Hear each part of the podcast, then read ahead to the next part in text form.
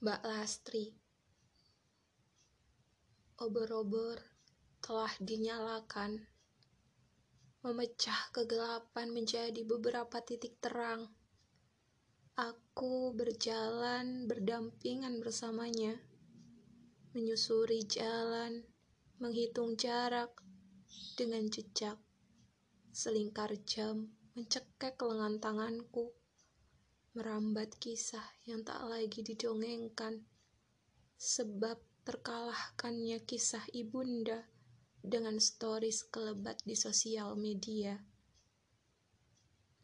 Telah diriwayatkan suatu muasal, tiga wajah berseri-seri, bersama bangun tidurnya matahari. Dari tangannya, lahir anak-anak sejarah seorang perempuan yang sering dikenal Mbak Lastri. Mbak Lastri terisolasi.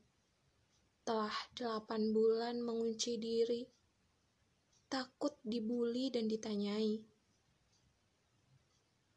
Siapa yang menanam benih pada tubuh yang telah sendiri, ditinggal pergi suami? Mbak Lastri menguatkan hati. Berjalan menyusuri ganggang pasar pagi. Tidak ada keramaian serius minggu legi. Pedagang dan pembeli hilang selera negosiasi. Sebab terlalu mudah untuk berkata murah. Murah. Murahan. Mbak Lastri membebaskan diri, melepaskan segala tali ikatan, melarungkan ari-ari di kolong jembatan, mengalir tangis di sungai darah.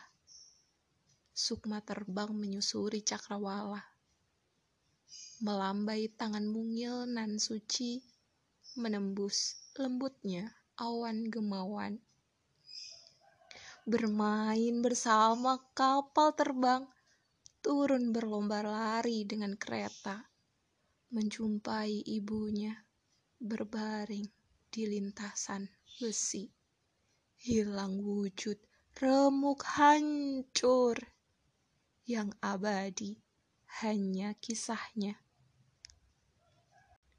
Kepada tanah yang dikalungi besi, Rubuh tubuh ibu menyeluruh seluruh, tenggelam dibanjiri kiriman duka. Salah siapa? Aku hanya manusia yang tak lagi manusia. Dibesarkan dengan darah, disucikan dengan darah, dimatikan penuh darah. Mbak Lastri adalah anak tiri, dibuang oleh ibu pertiwi diabadikan di belakang layar televisi sebagai suguhan berita pagi, menemani sepi kian menepi. Banyumas, 19 Januari 2021. Sajak Intan Hafidah NH